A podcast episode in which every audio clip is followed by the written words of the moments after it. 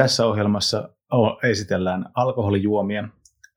Varmistathan, että alueella, jossa sitä kuuntelet, on laillista kuunnella alkoholijuomista kertovia podcasteja. Kiitos. Which means material for adults only. You must be of legal age in the country you are in to continue listening. Na fali rosnącej popularności storytellingu coraz więcej marketerów chce wykorzystać jego potencjał. Opowiadanie historii w marketingu jest jednak trudne. W podcaście Marketing Opowieści gościmy praktyków, którzy z sukcesem użyli storytellingu w swoich kampaniach. Razem z nimi udowadniamy, że opowiadanie dobrych historii nie jest zarezerwowane tylko dla wybranych. Nazywam się Michał Kasprzyk i zapraszam Was do wspólnego odkrywania tajników storytellingu.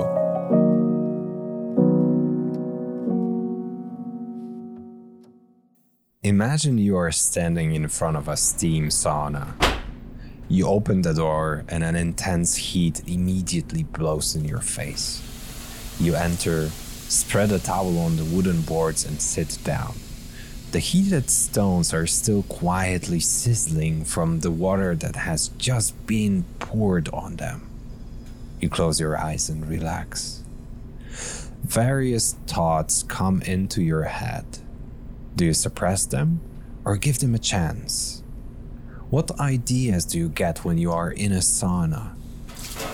Our guest, who went to a sauna with a group of friends, was in a similar situation.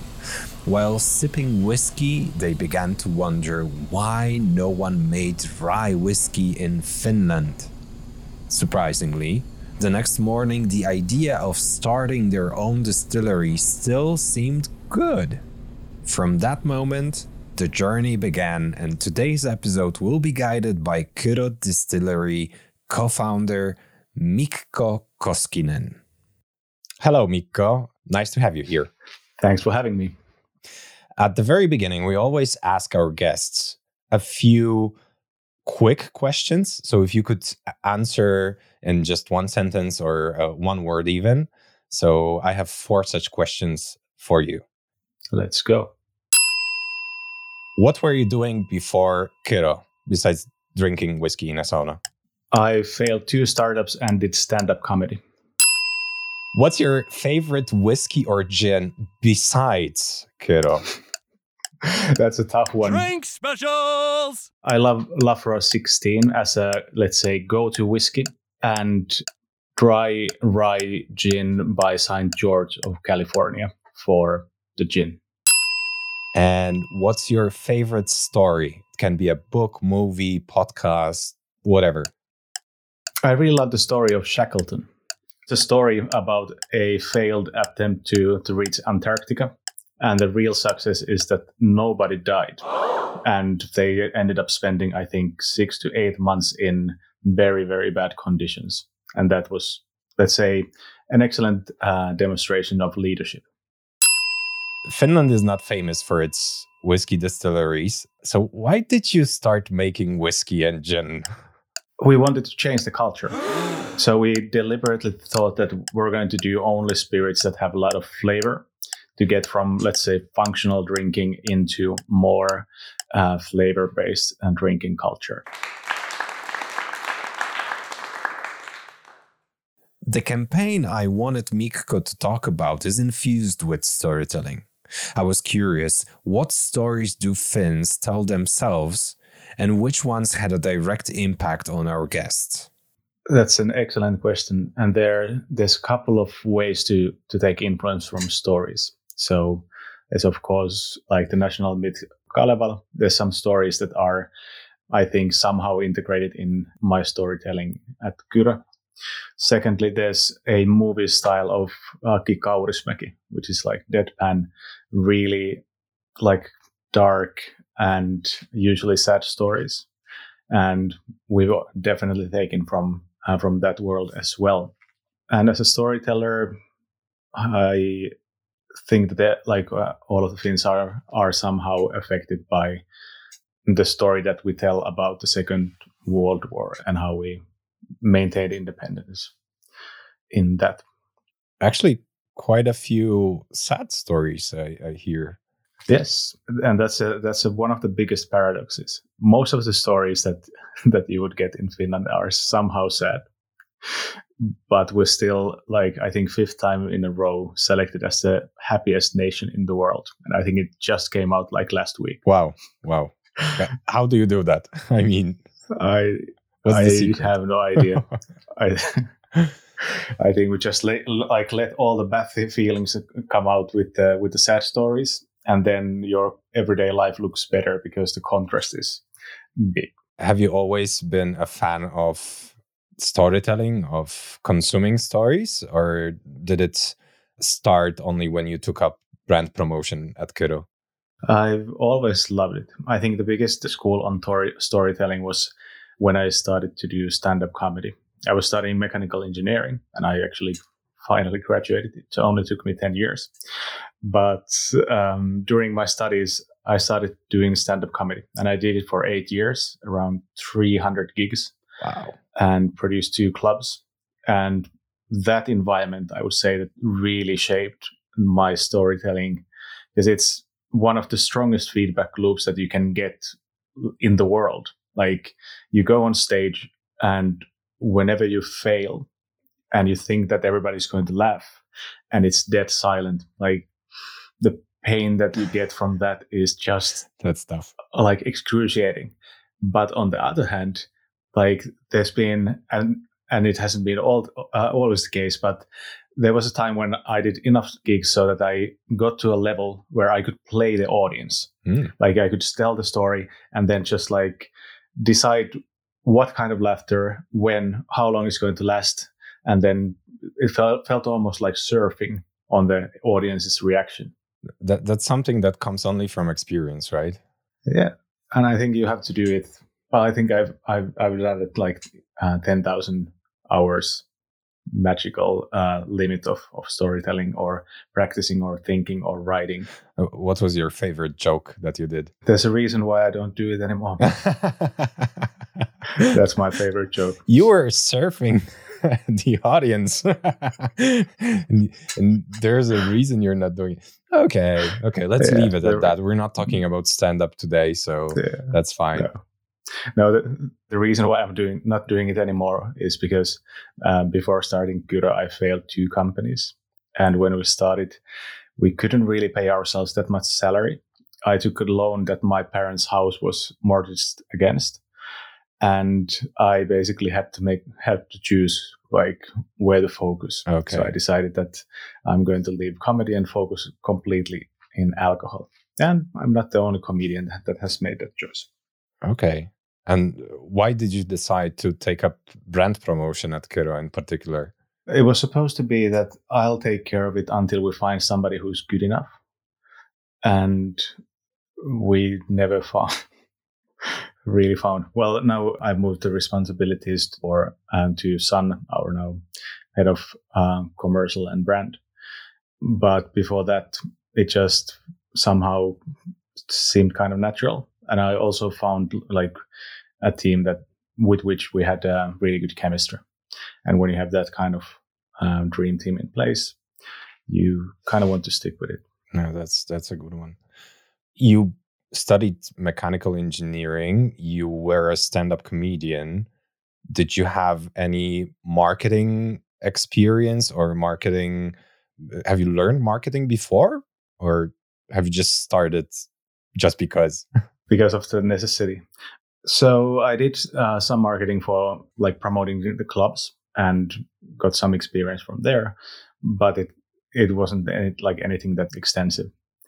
Then I also studied a little bit of industrial design, and there I kind of picked up some of like visual things and design part that can be used in in storytelling and branding, especially when you when you start weaving the story in physical things and design for example, our font is from an old war memorial uh, close to the distillery.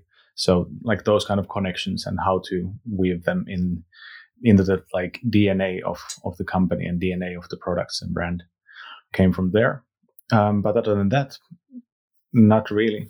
Okay, I, I I love it that you are so inspired by everything around you. That's that's very cool. That also comes from the necessity because we don't have the, as you said, uh, there's not that many whiskey distilleries in Finland, so we can't. There's no heritage that we can build upon. Where in Scotland you can take like a wealth of heritage and build your own brand on top of that. But in Finland we don't have it, so we had to build on top of local heritage and local history, and somehow make it make it credible. Because when you start a company it's like it's a it's first in your mind then you print a t-shirt and take it from there. This must have been exciting because you basically created the story of whiskey in finland well there were some distilleries before but what we did was very strict focus on rye so we do we distill only rye and our whiskey is 100% rye whiskey you're probably as curious as I was about what this whiskey campaign is really about. But before that, I wanted to find out more about where Mikko got his storytelling knowledge and did he have any mentors? So I have to mention two huge influences, and we worked really close with them. Other one is Anssi Kähärä from Werklig. He's responsible for most of the visual design labels, and so forth. And other one is Kimmo Syväri. He took the very first photo where all the five founders ru- run naked in the rye field. And we originally took that photo for a whiskey book. We took it, we didn't have stills, we didn't have production, we didn't have products. We had to take one photo that somehow captures and crystallizes what the distillery is about. And one of the like most important lessons that I got from Kimmo at that point was that when you start things and you start a brand, you have to be extra bold because everything is going to be watered down. But as long as you plant the flag, do something that really stands, like that'll give you give the people and like the growing team license to go wild. And if you don't have that, you'll just become a plain brand at some point. So the photo itself is the bold statement, or is it the story around it?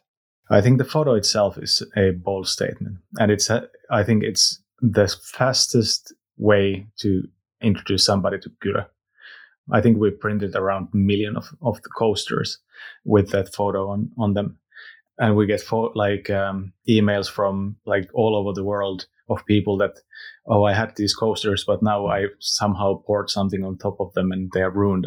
If you send me some more, so that like that has become such an like um, I don't know iconic uh-huh. uh, photo, and that carries a lot of the meaning that uh, that we have in Kyrö. Are you still reprinting those, or was it just one batch? No, we're still uh, reprinting those very much. I think uh, we do have. You have some around. Okay, I'm at, at our um, conference room, and as you can see, right. Um, well, not necessarily the best thing to show things in podcast. um, might be a storyteller, but not the smartest one. But yeah, we do have a photo of of that here as well. To explain what happens here, Mikko just showed me the photograph we talked about. We'll link to it in the podcast description. It's pretty easy to find it on Kyrö's website, so I recommend you take a look there. Back to the conversation. The Kyrö Distillery campaign we're talking about has been a huge success. However, it's obvious that the road to success is not a bed of roses. So I'm sure Mikko and his friends also made some mistakes. I think I've done a couple. And one thing that I don't think that we we covered is that advertising or marketing pre like um, spirits in Finland is illegal.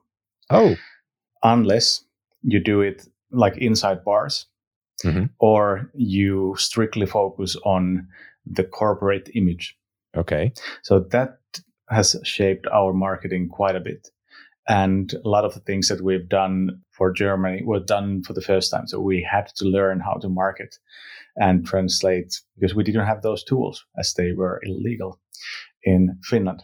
But coming to uh, the biggest marketing mistake, I think it's more on the product side. So we saw that there's going to be a lot of competition in gin. We saw that bartenders are in key role uh, when we want to remain relevant. But instead of doing like new gins all the time, we wanted to do something that makes us as a company relevant for the bartenders. So we invited bartenders, did a like collaborative creation process, and came up with two bitters. Mm-hmm. And with those two bitters, we tried to be smart and we printed black on black label and white on white label because there were two black and white. And what happened was that first of all, nobody could read it because it's white on white. It's fun when you hold the bottle, but in a bar you seldom hold the bottle. It's in the back bar. And secondly, it became a thing that like bartenders rooted for. So it's cool that that exists, but nobody was using it in a larger scale. So where the strategy was to more or remain relevance within the bartenders, we didn't end up doing that. And, or at least uh, we remained re- relevant, but not through that. And so many different mistakes in, in that project. So you wanted to create kind of a cool gimmick that didn't work out in the end.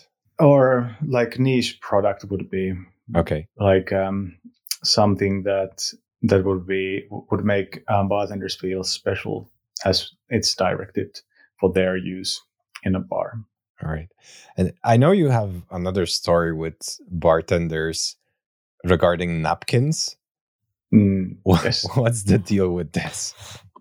Well, that's um, I think that might be the even larger mistake, but um, Sorry to point I'm it not sure whether then. it would count for for for a mistake. So previously, we used to have different brand structure. So so we used to have a gin called Napue, which is the name of a village. Mhm. We had another gin called Koskue, another name of a of a village, and then we had the distillery Kyrö. It worked in Finland, but the further away we went from the home country, the more efficient our communication was. Like it had to be, and having Napue and Koskue and Kyrö, nobody uh, like understood. For example, in the states, nobody understood what was it about. And and I was conducting a research on like what what is happening and how how the market entry is going. And I witnessed somebody trying to ask for Napue and getting a napkin in a crowded and slightly noisy bar. So that sort of made it, and we decided that we're going to go with the name Kyrö in all of our products and be happy with it. The one of the reasons why we built that that uh, hierarchy in the first place was that as advertising spirits is illegal, we were af- afraid that if we have the name of the company and the name of the spirit the same, like it might become a like, trouble for us. The law has since changed, but to give you an example on how strict the law was, I like before we founded Kyrö, I blogged blog about founding a company and so forth, and I think it had somewhat maybe like 200 readers in total or something. But somehow, when we registered the company, we got a call from from Valvira, who takes care of the alcohol surveillance, and they said that we have to take the block down because we have named the types of spirit. So it was illegal to say that hi, we're Kyrö Distillery and we distill gin. You can say that hey, we're Kyrö Distillery and we distill. Oh. So we've come a long way from there. That was 2014 Uh-huh. but uh, that's the reason why we constructed in a way that we we did. I've I've seen on your YouTube channel that uh, some of the first videos they are actually about the distillery itself. So that's Mhm. that's the reason, I guess. Yes, and if you scroll down at the bottom of, bottom of our social media or Instagram, for example, you will see that only recently, and there was a change that like um, there was a change in law that allowed us to post pictures of our own products, Mhm. not drink pictures or nothing promotional, just a like plain white background product shot. Okay.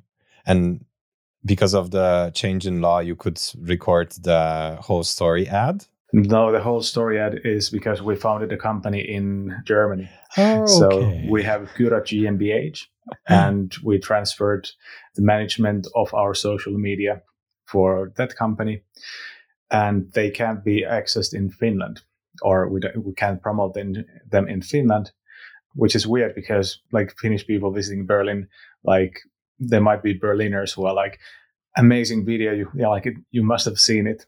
It's I think it has in total it's more than two million views Oh. and none of that almost none of that is from our domestic market Wow. Wow. That's that's ridiculous. The the law is It's- ridiculous. But I guess there's some reason behind it. So that's a, that's a topic for a, for a whole episode yeah, exactly.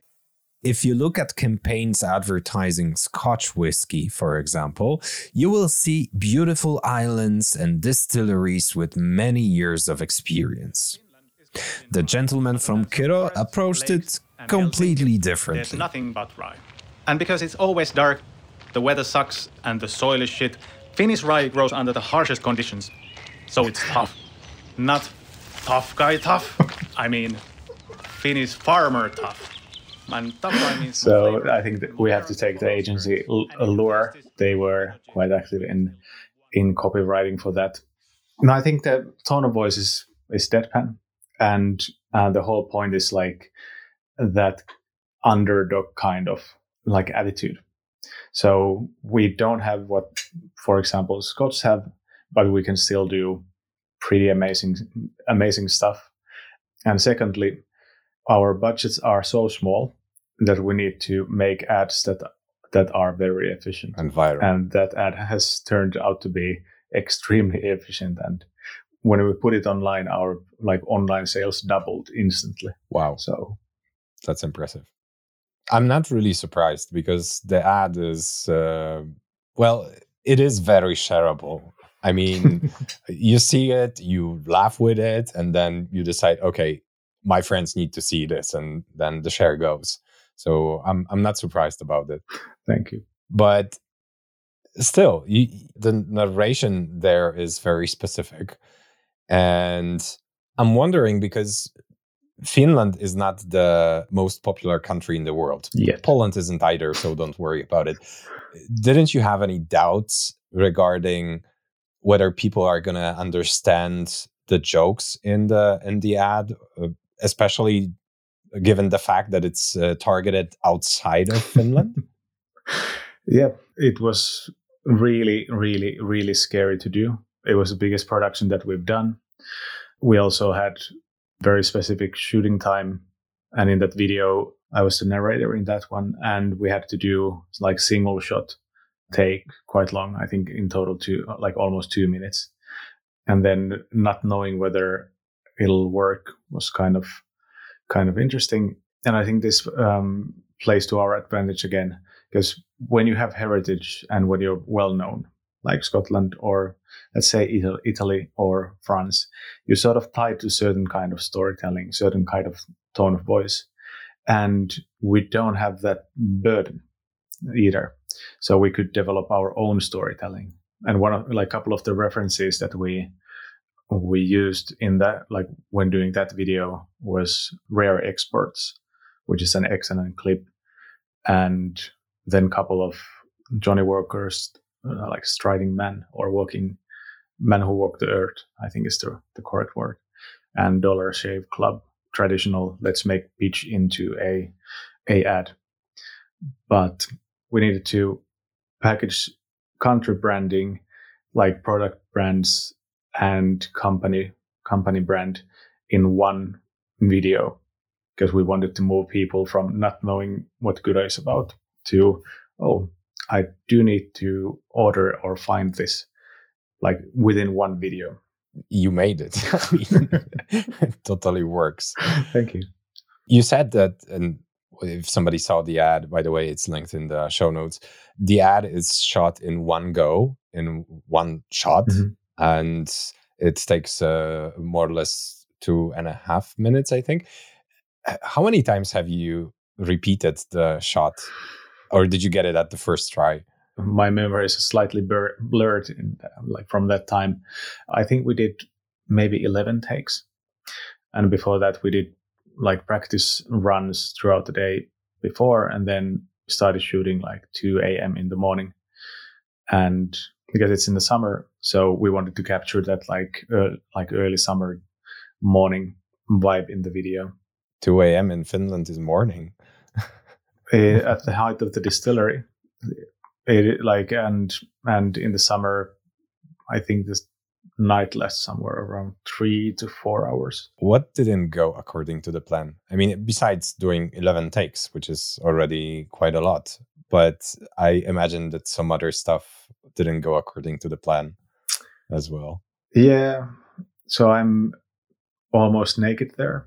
And I had to use this like very specific glueable underwear. Don't recommend it at all. so I probably should have shaved before. It was tricky, first of all, to get it stuck and then getting it out okay. with that that glue. So that's one one thing. Then I think overall there wasn't that many setbacks in that shooting, which was pretty amazing. Yeah, given the result and the one take, that's that's a lot. By the way, one of the silly questions I wanted to ask towards the end of the conversation was uh, how was it being naked around the whole crew? but I guess you already answered that. So. it was really weird. Luckily, luckily we do that, do have the sauna culture, and luckily I had that small piece of cloth glued to to cover my my private parts. However, it was kind of cold morning and doing 11 takes and the sauna wasn't on. So it, that's artificial smoke that comes out when you when I open the door. So I was pretty pretty well done after after shooting. On top of that uh, we had um, at the end of the video there's two girls playing soccer and one of them or three girls and one of them t- uh, tackles me. Those girls were from the like Finnish rugby, rugby national team and they hit me hard 11 oh, times completely times uh, i God. i think i had he- headache for two days afterwards you know i had a, a, sort of similar situation because uh, i uh, happened to be an extra in the movie by Spielberg, A Bridge of Spies, because mm-hmm. they shot it in Wrocław, in our uh, city. Yeah. And there was one scene in which the extras are in the background, somewhere far, and we are jumping down from a uh, from a truck, and it was quite high. It was I don't know one and a half meter probably, and we did I think eight or nine takes. And when I was jumping off for the eighth time, I almost fell to the ground because it was already so exhausting and I wasn't used to it at all. And that take, that whole scene, wasn't even in the movie. That's always fun. Yeah, yeah. So, so, so I understand making several takes and being tackled. Mm. Yeah, that's that. That's painful. Naked. Yeah. Yeah. On top of that, I was wearing clothes, so that was easier for me, I guess. Lucky you. The rye distillate campaign from the town of Isokyrö is Finland in a nutshell. You will find plenty of references to things specific only to the cold land of Northern Europe. Every viewer is sure to find his or her favorite motive in it. And which part of the story captured Mikko's heart the most? My favorite part definitely is. And you can taste this in our Kyro gin, which we distill on one very special day that we Finns like to call the summer. With and that's something that would be hard to hard to write, but having like getting that timing right, like enough pause so that it feels like a punchline without being too punchliney, and the fact that the people are, that are dancing in the background give the crown or flower crown exactly on the right time. I think that like that was really really a lot of fun.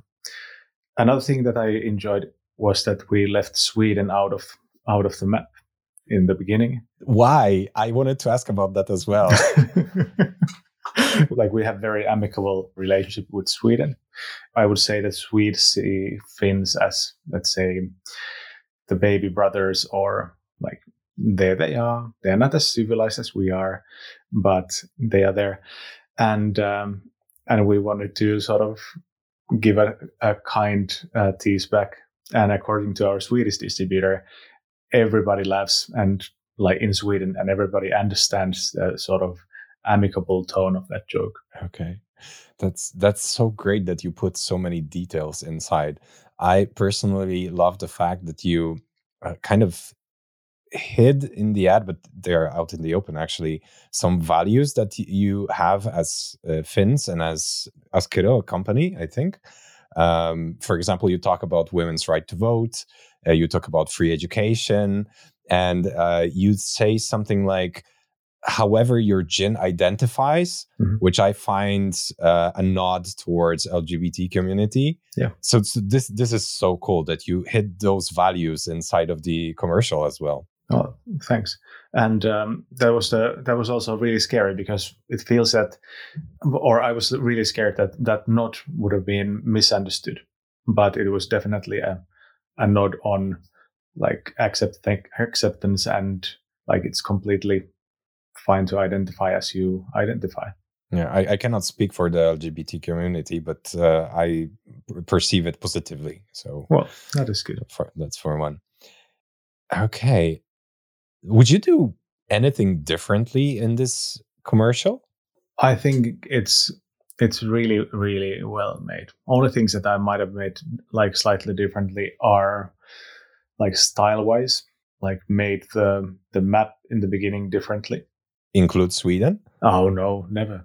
but um, having it somehow more finalized in style, like and with style. Okay. So that, no, I think the copy itself works amazingly, timing and all of that. There's room room for imp- improvement for sure, but those are like minor things that are really really hard to get get right in that kind of production with our budgets. But the storytelling in Kyrö Distillery's marketing efforts doesn't stop with just advertising. Their entire website and social media communication are story driven. One of the most interesting things is a virtual tour of the distillery in Isokyrö. Like one of the key strengths that we have as a as a brand is that we've built a lot of things that are not just facade. Like you can go behind and see that, oh, okay, so this is how it's made to look. And the best way to convert somebody to, to be the, a brand lover is to have them visit the distillery. And before COVID, we had around 20,000 visitors wow. the distillery. And we quite frequently got people that, that flew, uh, flew in from like Japan or US nice. specifically to visit Kyrö. So we saw that with COVID, it's not going to be possible for people to visit, but we wanted to give that opportunity for people. And there was also a government grant on like adjusting for COVID. Mm-hmm. And so we used some of that money and we did the distiller visit experience together with Kimmo Syväri. And I think I have to dig up the name of that Klaus I don't remember his last name, but he's a, uh, a Swedish videographer, mm-hmm. a really, really, really good one. And he just happened to be in Finland and took a random job of two days at the distillery. Nice. Yeah, I, I, I love the tour. I took it and it's it's great. So I, I felt almost like I I would be there. maybe you should come. Maybe at some point. I, by the way, I've seen that you are doing Fest. Yes, how is it going to look like? Kyröfest is is a festival where you would meet both local and the city folks in the same festival. It's quite small, so 1,600 people. But because we do enjoy a certain stature in Finland, we get really good, at least domestic artists. Mm-hmm. And it's the focus is in, in like quality drinks, quality food, and let's say providing good like f- uh, festival experience. And what is Kyrö like? You might ask. And I think it's about like providing contrast. So something that is like really, I don't know, high culture or really cool and then marrying that with something that is more robust and rustic. Mhm. And when you do that, what is really cool is that you create a way for people to connect or a way for people from different backgrounds to connect. One example is that we had a really, really good and slightly ironic DJ called the Windows 95 Man. um, and he plays like 80s hits. And you could see the hipsters of Helsinki and the people from Isokyrö dancing with the same music. Others maybe enjoying it wholeheartedly, others maybe slightly ironically, but it was like very nice joint shared experience. That sounds so amazing, so exciting. Oh, the cutoff is, I, I guess, is going to be a, a blast. It is. Anyway, I, I I love the way you are telling stories as a company, and uh, it's it's impressive how you take whatever you have inside within the company and you make a story out of it was it because of the law Uh, because it started like that you had to advertise the distillery more than the alcohols or uh, is there some other reason behind using those internal stories as well Excellent question. I think it's a little bit of the, the alcohol law thing where we had to find things that we can that are that are interesting for people without saying that we distill gin and make uh, make good somehow lovable without or let people feel connected and then make that. The second thing is that we built heritage out of nothing which means that it was completely like it, this we had no credibility when we started. That was also before the gin boom and the craft distilleries really started to come out. But when we started it felt like we need to do things twice as good or three times as good as the established players or the new players from established countries because otherwise we'll just be like a weird thing that um, isn't interesting. But if we manage to go over certain threshold then it, it becomes a destination. Almost like if you like noma as a restaurant in, in denmark they managed to do something that is so unique that it transformed uh, the whole danish like restaurant scene. And the way to do it was uh, just focusing on on things that they they had that weren't necessarily valued before. And create value on its own right? Yeah. I mean it's so funny.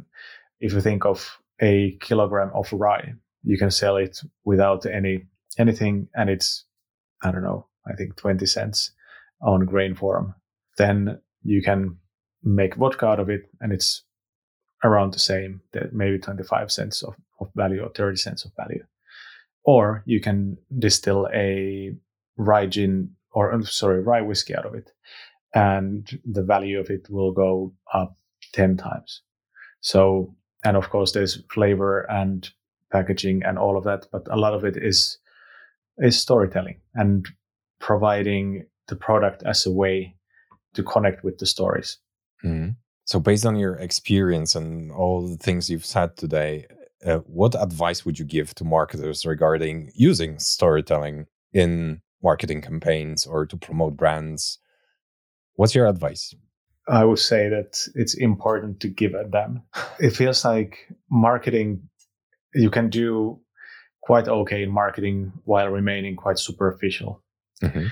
But when you build that knowledge and appreciation for the craft and you go the extra mile to sort of bring the stories really to life, making the bold suggestions, if you work in an agency, like make the bold suggestion to the client and risking that you might look like a fool. Caring and maybe being brave. Most of the marketeers that I know have like excellent ideas, Mhm. but many of them also have a filter where they of things that they can can say or they can suggest or they can put their weight on. But how do you make somebody or convince somebody to go bold? Well, when we started, we self financed the whole company, which meant that we, all of the five founders, we put somewhere between, I think, 40 to forty to ninety thousand euros, depending on on the founder, and and still we managed to use quite a bit of that sum on marketing and branding before we started production. And the reason why we did that was that we saw that we have no credit. We have no, like, there's no other option. If we don't do it, if we don't, if we're not bold enough, it doesn't like we can, we can go home already. It's not going to work. It's going to be a hobby. Of course, it's easier to be an entrepreneur and taking the risks, but being on the client side, I've also enjoyed most when I've been pitched like crazier idea, as long as there's a good grounds, not crazy in the sake of crazy, but um, bold because there's a reason um, behind being bold. Okay, so there it has to be something more than crazy in order to convince somebody. Yeah, and well, I think it's um, like Sherlock Holmes once said that when you rule out all the all the obvious options or obvious scenarios, what you're left is might be the uh, the craziest one, but it's the one to, to go with. That's a great quote to finish our conversation on. Fantastic, because I, I'm fairly sure that it's also misquoted. might be, might be. Uh, like many quotes around the internet. Yes, that is true. But before I let you go, I still have a creative task for you. We give one to every guest. The moment that I haven't been afraid of. Yeah. Don't worry. Uh, you can take the time if you need to think about it more, then that's fine. So the the task is if you are making whiskey from distillate of licorice and the Moomins, how would you tell the story of it?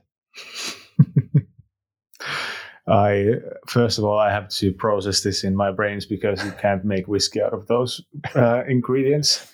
You um, never know. That is true. That is true. I think I would tie the story in, and it's actually pretty easy because we've made whiskey with Moomins on on it. It's not uh, commercially available, but one of our uh, investors is Moomin Characters, who owns the that's rights cool. for Moomins. So that's so cool. We did uh, we did one whiskey for them, and um, they gifted it, it, away. But I would t- take a look on what are the stories that Moomin had. Mm-hmm. If there's anything that links to licorice, is the, if there's anything linking to to whiskey. And having read it when I was a child, I know that there's a strip where they find like there's a shipwreck and they find uh, whiskey, and there's a very specific comic strip where where Moomin Papa says that be careful, it might be whiskey. so, and we actually did did it. So I would put that on the on the label so and then use it as the the sort of way to to bridge it. And when it comes to the the licorice part, I would try to make the connection with the maybe the pipe of the Moomin Papa and the fact that he needs to stop stop smoking, and hence he's uh, he has changed the the pipes into licorice pipes, which is a thing that exists. Oh, didn't know. I didn't know. Well, that's such a great idea, and the fact that you've actually partially done it, it's mind blowing. to be honest. anyway, Mikko, thank you very much for our conversation. It was a real pleasure. No, thank you. It's it's been a lot of fun. Thanks for having me. Awesome. Thanks. Drogi słuchaczu, droga słuchaczko, wierzę w to, że historia tej kampanii będzie dla Ciebie świetną inspiracją do użycia storytellingu w następnej kampanii Twojej marki. Kontynuuj z nami podróż po świecie dobrze opowiedzianych historii i zasubskrybuj podcast Marketing Opowieści w Spotify, Apple Podcasts, Google Podcast lub Twojej ulubionej aplikacji do słuchania podcastów. A jeśli chcesz wyprodukować podcast i potrzebne Ci wsparcie, odwiedź stronę marketingopowieści.pl. Link do strony oraz wszystkich wymienionych w odcinku materiałów znajdziesz w opisie podcastu.